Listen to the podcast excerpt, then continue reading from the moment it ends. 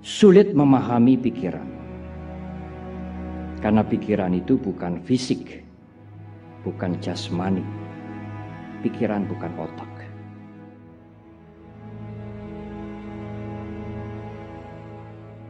Saya ingin membuat perumpamaan. Cobalah ibu, bapak, dan saudara mengumpamakan misalnya pikiran itu seperti air yang jernih yang ada di dalam diri kita. Air pikiran. Air yang di dalam itu, air pikiran itu tidak akan tumpah. Meskipun saudara lari cepat, ikut olahraga, ikut yoga, air itu tetap jernih.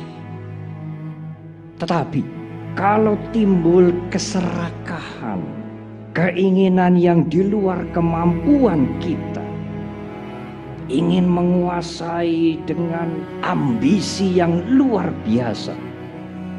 Kalau timbul pikiran keserakahan, maka air pikiran itu bergelombang, saudara.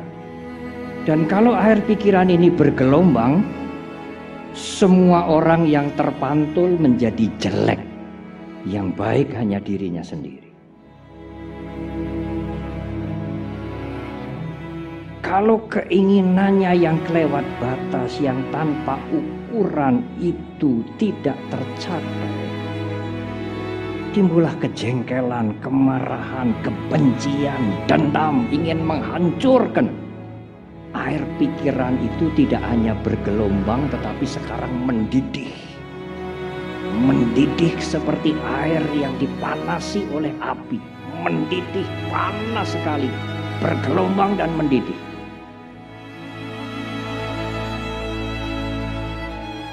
Kalau keakuan yang muncul, kesombongan yang muncul, kecongkaan yang muncul, egoisme yang muncul, air itu tidak bergelombang, air pikiran itu tidak mendidih tetapi seperti air yang keruh, hitam, bau.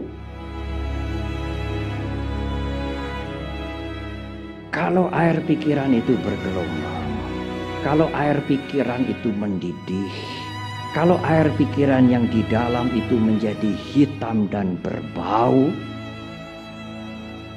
itulah penderitaan.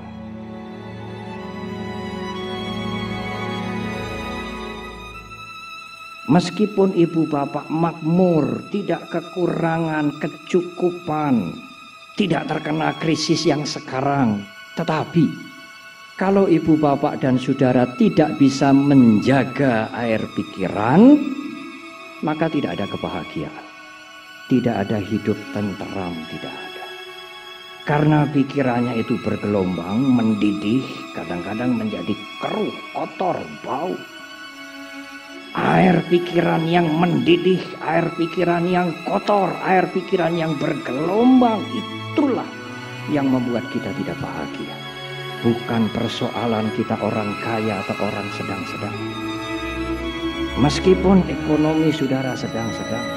Tetapi kalau saudara bisa menjaga air pikiran tidak bergelombang. Air pikiran tidak mendidih. Air pikiran tidak menjadi kotor dan bau. Anda akan hidup tenteram. Air pikiran itu jernih dan tenang. Demikian juga Bante kalau kita merasa ekonomi kita cukup lah. Bahkan dibandingkan dengan yang lain lebih. Saya tidak mengelak kalau saya dikatakan orang kaya. Apakah bisa bahagia Bante? Bisa saudara, bisa.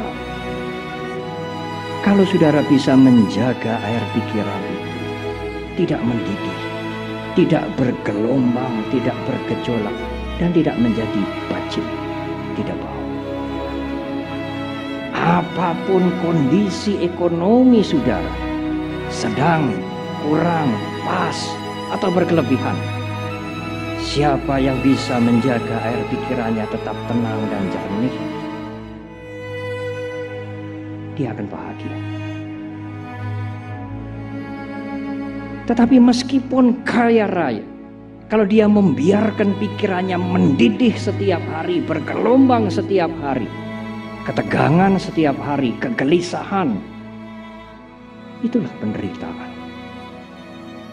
Tidak ada kebahagiaan.